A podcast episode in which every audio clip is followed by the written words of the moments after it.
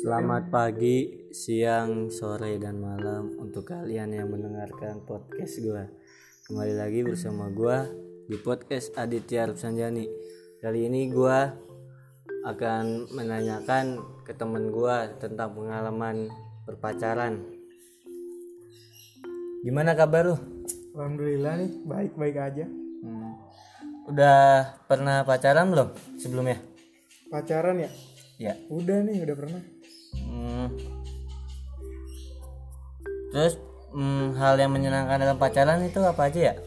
Ya lu bisa bucin, bisa jalan-jalan. Ntar misalkan lagi sedih lu saling support satu sama lain, gitu-gitu dah. Hmm, gitu doang Iya. Rata-rata sih gitu. rata-rata. Ya. Terus menyedihkan. Lu pernah ngalamin menyedihkan gak sih dalam berpacaran? Ya kalau lu berantem tuh, lu dicuekin, dicengin, gitu-gitu. Sama cewek lu didiemin kan gak enak tuh kalau lagi butuh tuh. Nah, paling itu doang sih. Sama pas kalau ditinggal tuh. Uh, udah. Nah terus cara ngebalikin moodnya si cewek itu lagi gimana?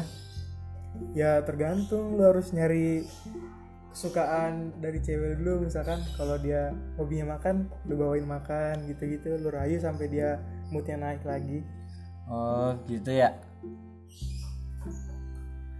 Hmm, Terus sekarang waktu udah tepat belum buat pacaran?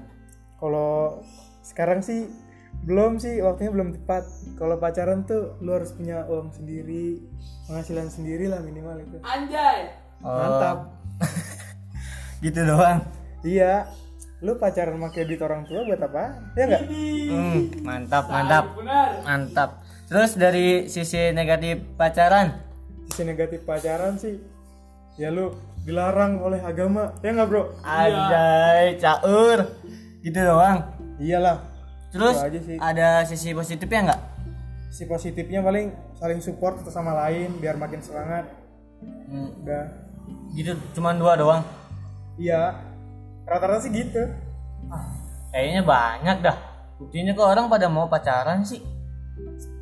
iya mungkin bisa apa ya mungkin dia kesepian tuh dengan dia punya pacar hari-hari dia jadi nggak kesepian kalau lu gimana nih Jangan tanya gue dah. Terus hikmah yang bisa diambil dari pengalaman pacaran. Ambil aja hikmahnya. Masa hikmahnya diambil? yang penting mah lu